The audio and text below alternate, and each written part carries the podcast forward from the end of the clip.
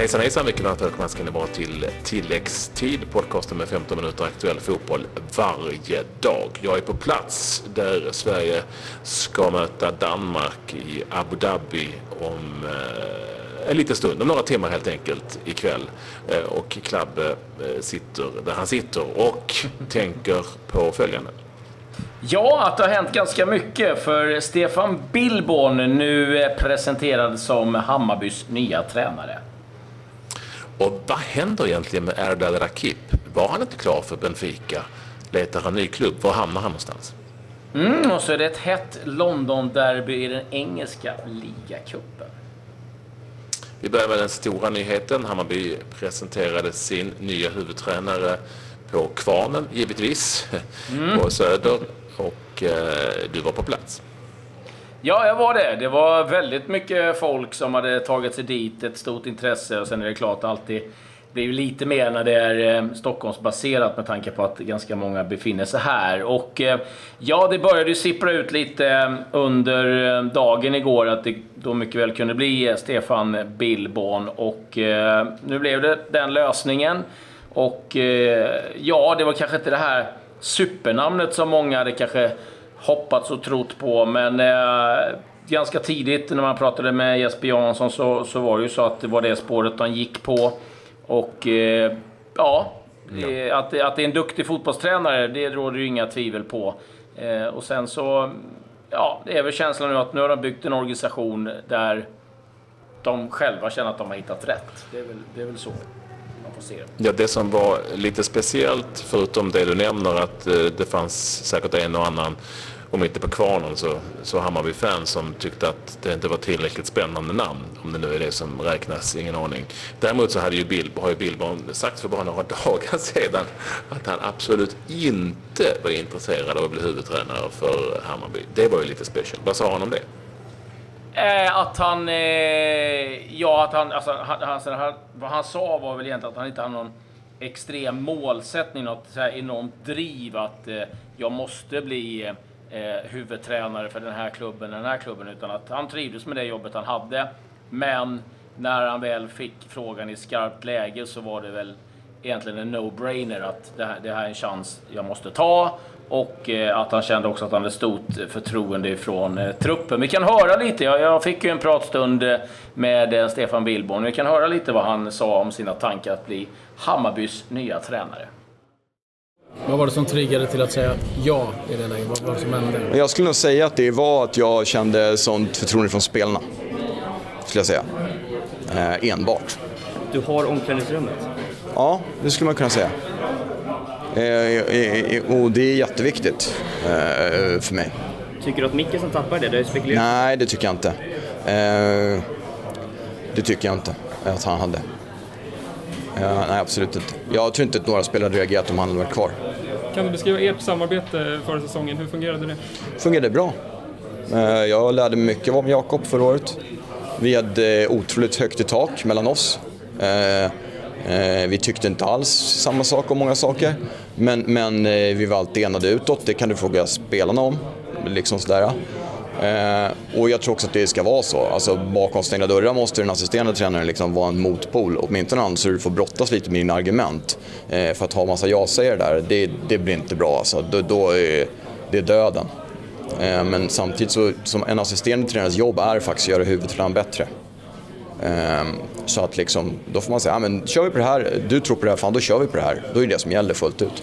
Men jag hade jättemycket ansvar förra året. Eh, och det är verkligen en eloge till Jakob. Han gav mig jätteförtroende. Så, så att det, eh, jag ger bara positiva bilder av 2017. Så. Du ska ju vara med och eh, plocka ut en assisterande. Vad är det du söker i den? Nej, just samma sak skulle jag säga. Någon som kompletterar mig på ett bra sätt och som faktiskt eh, kan argumentera och säga ifrån. Eh, så vi får ett bra ett klimat som, liksom, som, som är lite utmanande. Eh, sådär. Det är det. Det är det viktigaste skulle jag säga. Inte någon som är likadan som mig.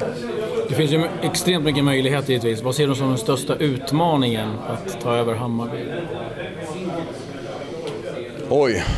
Eh, nej, att det är så mycket. Jag vet ju om att det är så otroligt mycket förväntningar. Eh, att det betyder så mycket för så många människor, såklart. Eh, och att, att det, det, är klart att det vore helt fantastiskt om man kunde göra dem eh, eh lyckliga istället för besvikna.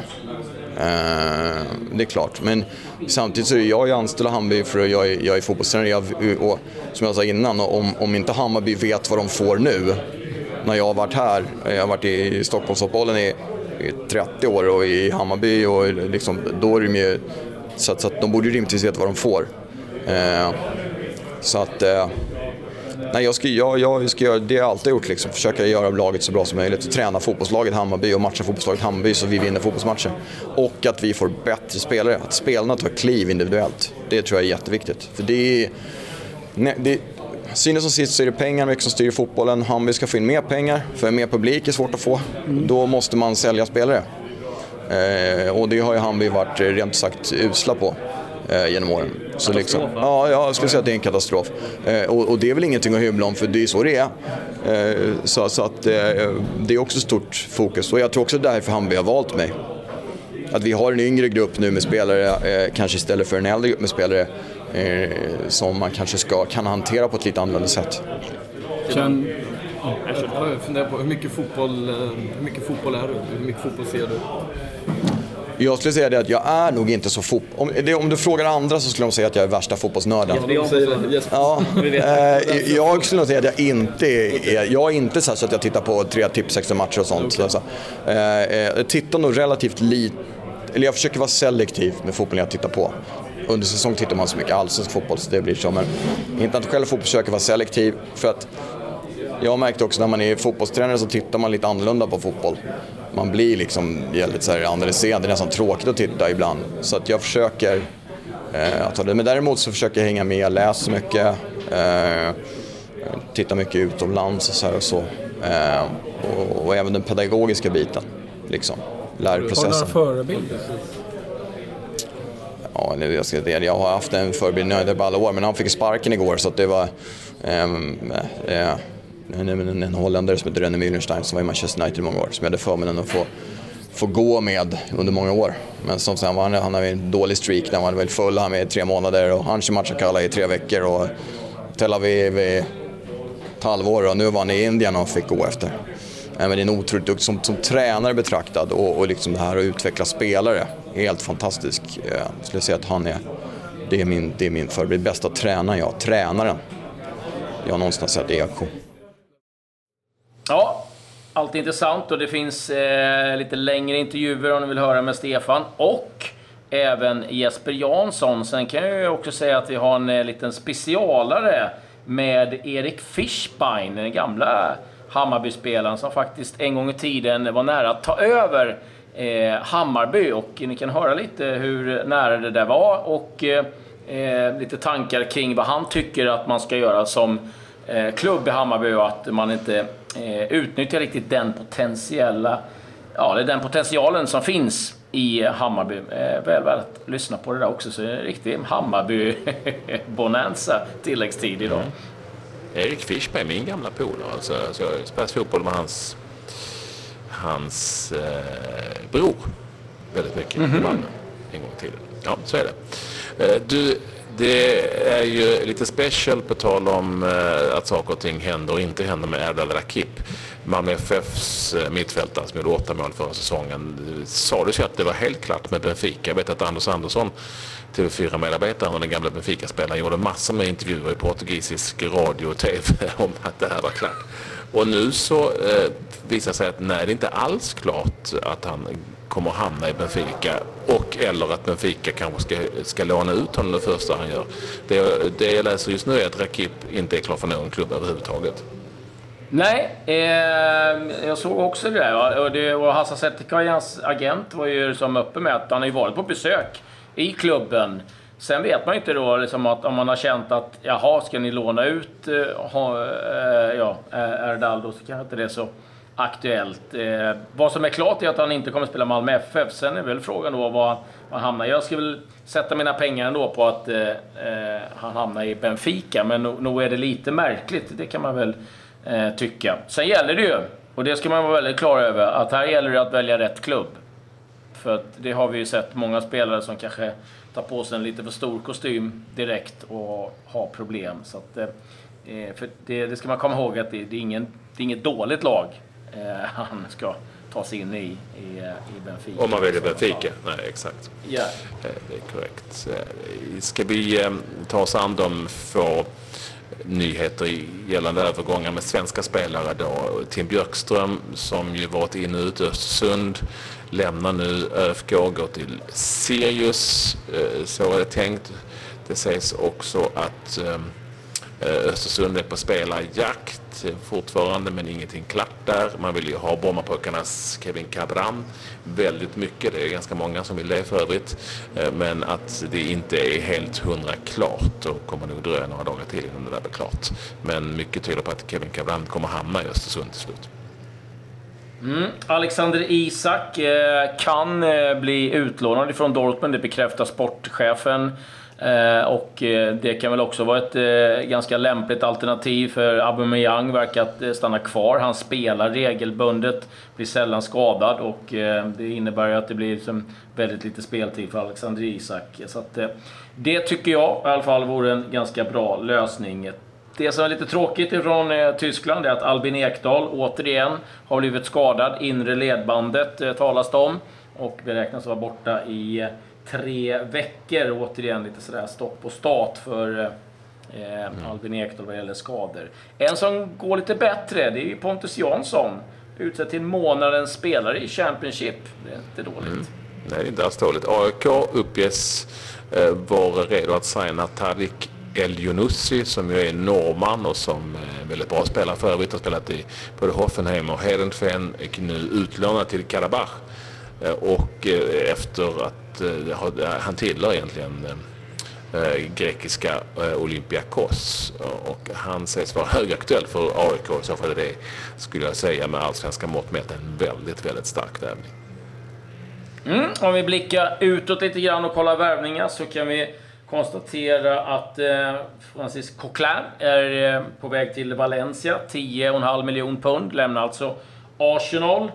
Och eh, Theo Walcott eh, ska vara väldigt nära en övergång till Everton, 20 miljoner pund. Ytterligare en spelare som eh, lämnar då Arsenal. Liverpools anfallare Daniel Sturridge, som har fått väldigt ont om speltid, eh, sägs vara väldigt intresserad av en utlåning till Inter. Och eh, Stoke har vi ju varit inne på. De letar ju ny tränare. Gary Rowett var ett alternativ. Han förlängde med Derby till 2021, så nu kan man stryka honom. Däremot ett namn som har poppat upp lite överraskande, det är Spanyols tränare Kiki Sanchez Flores och eh, han har i sin tur hängt ganska löst i, eh, i Spanien, så vi får se om eh, han kan bli aktuell. Och så är Mino Raiola igång igen, Patrik, och det är återigen Gianluigi Donnarumma som man eh, nu eh, sägs eh, försöka få loss ifrån Milan, Real Madrid, PSG, möjliga adresser. Även Bonaventura och Abate som han har i sitt stall, som också spelar Milan, eh, sägs också eh, vara aktuella för eventuellt att lämna Milan. Ja, ni kanske hör att inspelningen är lite annorlunda så att jag sitter i en hotellreception i Förenade Arabemiraten för att jag imorgon ska på eh, mötet mellan Sverige och Danmark på januariturnén. Det ska bli intressant eh, med den matchen och ni kommer få intervjuer här i tilläggstid eh, från det mötet som går sent arabtid men eh, hygglig tid, tre timmar. 20.45 arabtid, tre timmar tidigare då eh, svensk tid. Det laddar vi ju för när eh, Sverige möter Åge Haredes Danmark. Och det blir inte första mötet lagen emellan utan Sverige kommer att genrepa mot Chile och mot Danmark. Nej, inte sista, Nej. sa jag det? Nej. Inte första? Nej, inte första. det har varit en hel del matcher. Ja. Nej, men Sverige kommer att genrepa mot Danmark och Chile mm. där i juni innan man åker iväg till Ryssland för VM. Det står helt klart nu. Ja, 2 juni på Friends Arena och det är väl ett ganska klokt val. Det kommer vara intresse kring den matchen och eh, ja, smidigt för båda lagen på, på något sätt. Och så har det varit en hel del matcher eh, runt om i Europa och eh, framförallt ett hett London-derby. Och vi börjar i eh, England där ligacupen då spelades mellan Arsenal och Chelsea på Stamford Bridge. Det var en liten märklig situation för Arsene Wenger som var eh, avstängd, fick inte stå nere vid tekniska området utan fick eh, sitta på läktaren och han valde faktiskt att eh, sätta sig på pressläktaren och det var en hel del journalister som var lite förvånade när han valde den positionen. Men därifrån kunde han se ganska bra och eh, hade ju möjlighet också att se alla repriser. Då hade han stenkoll på vad som skedde, Arsen Wenger. Men det slutade mållöst, 0-0 och eh, det som oroar för Arsenal är att Wilshire klev av eh, med en skada efter 57 minuter. Chelsea var väl kanske lite närmare en seger, men eh, det blev 0-0 och eh, retur om två veckor då på Emirates.